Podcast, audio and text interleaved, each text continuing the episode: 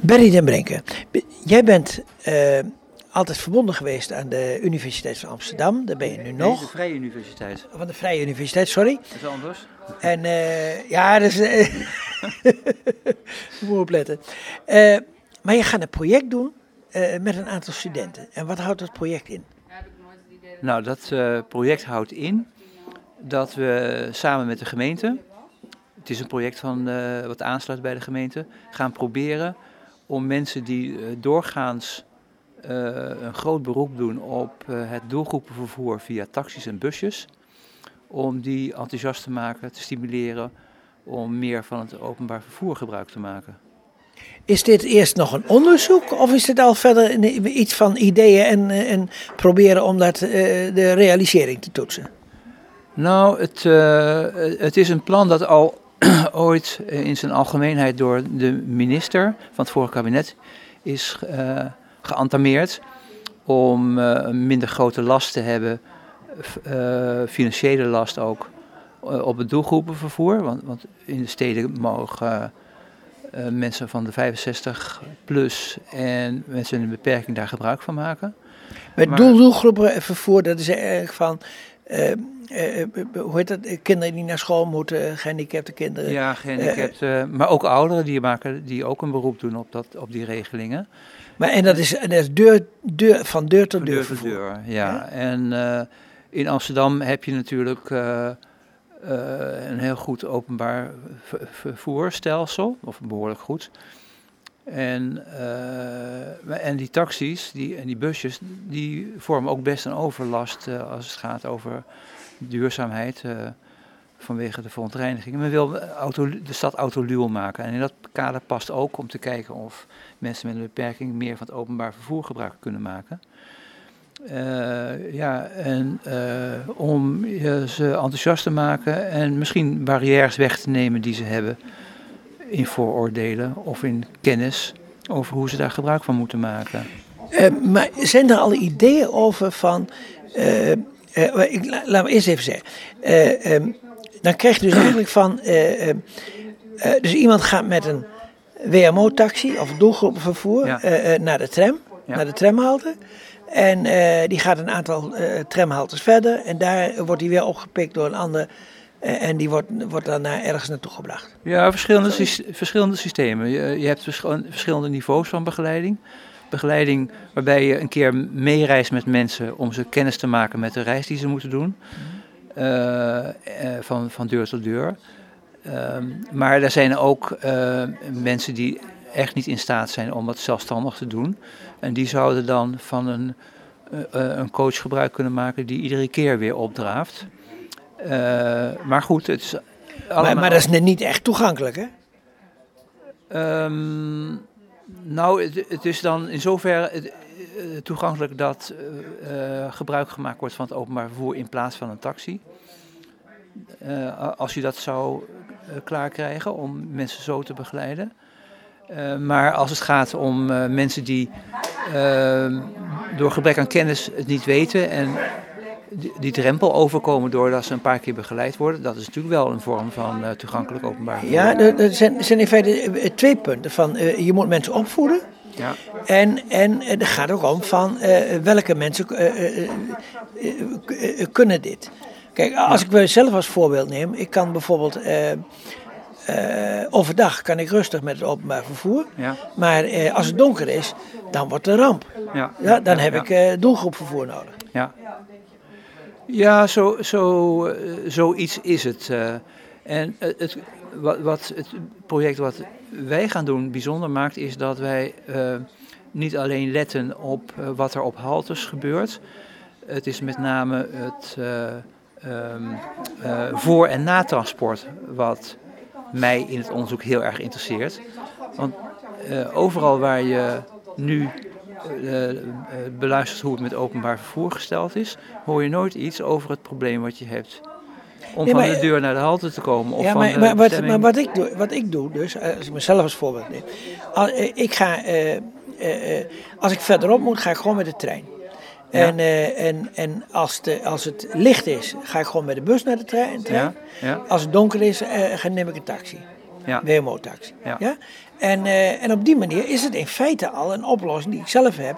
Van dat ik doelgroepenvervoer heb naar het openbaar vervoer. Ja. En dan aan de andere kant, ja, dan, daar, daar heb ik dan, als ik hier in Utrecht ben, ben bijvoorbeeld, dan eh, heb ik hier geen, eh, geen andere mogelijkheid. Ja. Maar goed, dan, heb, dan kan ik me eventueel door, door mijn zoon laten ophalen. Ja. Maar het is in feite al een vorm van Ja, wat dan- jij ook wilt. Ja, dan heb je zelf al voor jezelf een keuze gemaakt. En eh, als je dan. eh, en dat kun je vergelijken met hoe andere mensen dat doen. En er zijn mensen bijvoorbeeld die, eh, die wel, ook, ook, als het donker is, per se met het openbaar vervoer willen, rij, willen kunnen reizen. Eh, ik zelf ben dus bijna blind, vooral s'avonds. Maar ik probeer juist wel nog zoveel mogelijk met het Openbaar vervoer. openbaar vervoer te reizen. Ja, nou kijk, ik, ik En dan kijk ik dus heel, heel specifiek, terwijl ik dat doe, naar eh, waarom is het zo moeilijk. En omdat het voor mij een project is, vind ik het niet erg om, om er iets langer over te doen. Want dan heb ik meteen wat items Mhm. om te onderzoeken. Maar als je echt ergens heen wil, je moet op tijd zijn. En dingen zijn niet goed geregeld. Dan, en daar gaat mijn project dan over, eh, wil ik melding kunnen maken van de problemen die ik tegenkom. En het, het idee achter dit project is om gemakkelijk eh, eh, situaties te kunnen eh, registreren waar problemen zijn die het eh, moeilijk maken om van het openbaar vervoer gebruik te maken. Oké. Eh, En, Ik, ik, ik wil nog even weer terug naar mij. Van, van, ik heb, eh, eh, s'avonds heb ik eh WMO-vervoer nodig. ja, Maar ik zou best wel gewoon met de bus willen. ja, Als ik maar namelijk naar de bushalte kom. ja. Ja, dat- dat- vanaf je eh, huis, vanaf wacht, je, wacht, wacht, vanaf wacht, je vanaf, deur. vanaf mijn huis naar, naar de bushalte. Daar, daar is voldoende, eh, onvoldoende licht. Ik, ben al, eh, ik, ik probeer het wel, maar ik ben al een paar keer gevallen. Ja, En nou, dat is gewoon onverantwoord. ja, dus je kunt, je kunt dat doen door bijvoorbeeld hele goede verlichting aan te brengen. ja, Want dan zou ik het ook kunnen doen. ja. Of daar eventueel een doelgroepenvervoer voor te regelen. Ja, dat zou kunnen. Maar wat jij dus nu zegt, hè, ehm, vanaf s'avonds is het vanaf mijn voordeur naar de halte is het niet te doen. Dat is een voorbeeld van een situatie waar we kennis van moeten hebben eh, in dat project.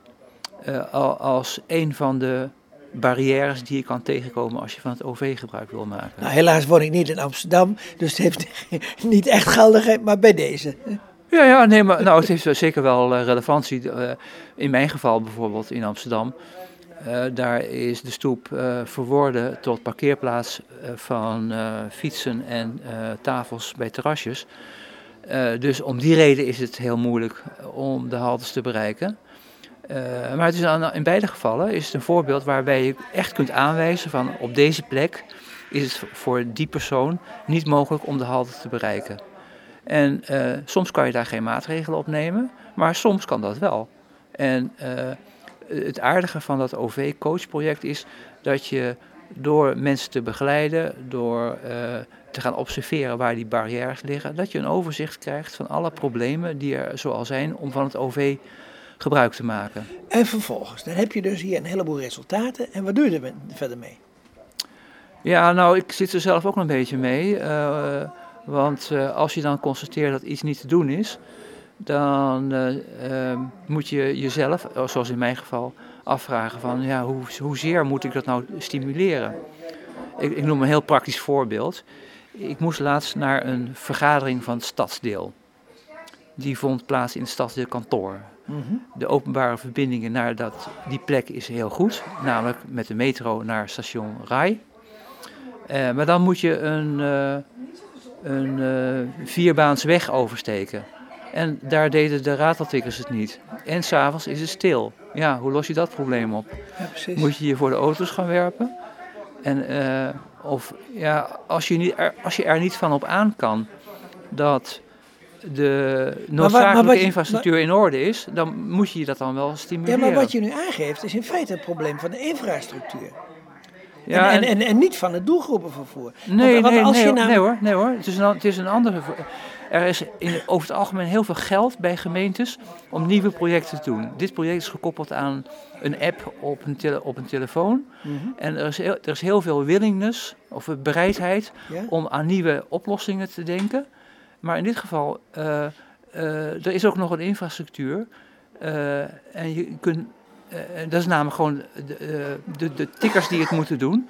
Daar wordt erg op bezuinigd. Er is heel weinig onderhoud intensiteit. Want als ik het dan meld, dan wordt het niet meteen opgelost. Het wordt de dag daarna of, of de week daarna opgelost. Nee, maar ik wou dus zeggen van als de infrastructuur goed is, en nog iets wat ik direct even ga vertellen, eh, dan kun je een gedeelte van het eh, doelgroepenvervoer eh, eh, kun je dus vermijden. Zeker. En, en eh, wat ik ook nog even wil zeggen, is namelijk van eh, de verlichting op straat. Dat is altijd met, met lantaarnpalen, die meestal gewoon de, de, de rijweg verlichten en niet het voetpad. Maar die, die staan om de 30 meter. En dan krijg je een schaduw. En dan, nou, dan kun je in feite gewoon de grond helemaal niet zo goed zien. Als je namelijk ledverlichting om, en, en veel lager, op 50 centimeter hoogte, op voetpad schijnt. En, en, je doet dat namelijk op elke 50 centimeter ledlampje. En die kunnen ook nog, nog feller laten branden of niet als, als er mensen zijn. En als je dat doet, dan kun je namelijk s'avonds ook gewoon uh, over straat. Dan kun je de weg vinden. En dan, kun je, ja, dan zie je de obstakels. Ja, nou ja, dat is het probleem van hoe ga je die problemen dan oplossen. En wat jij noemt is een oplossing. Een andere oplossing zou ook zijn, en dat valt samen met, met uh, het oplossen van problemen die bijvoorbeeld fietsers hebben, is dat als je de, de wegen en de afscheiding tussen fiets- en voetgangersgebied goed met een uh, helder contrast aangeeft, dan, dan kan je ook, uh, ook op een andere manier een oplossing vinden voor hetzelfde probleem dat je graag wil zien waar je loopt. En uh, dit soort dingen vind ik heel erg interessant. Daarom ben ik ook in het project gestapt mm-hmm. om te kijken hoe je uh, problemen kan oplossen. Liefst voor zoveel mogelijk mensen tegelijkertijd. Universele oplossingen dus, waar iedereen wat aan heeft. En wat, jij no wat jij noemt en waar ik zelf ook veel last van heb in het donker dat je helemaal geen oriëntatie hebt van, van hoe je moet lopen, dat, dat, dat, is iets waar echt wat aan gedaan kan worden. En ik kan zelf al heel veel voorbeelden noemen waar dat het heel goed opgelost maar is. Maar komen we dan tot de conclusie dat je, dat je in feite eerst met de infrastructuur bezig moet gaan? Nou, dat is mijn grote interesse, maar dat is ook belangrijk. Hè? Heel veel dingen zijn belangrijk natuurlijk. Maar dit is een van de aspecten waarvan ik denk dat daar meer aandacht aan besteed moet worden.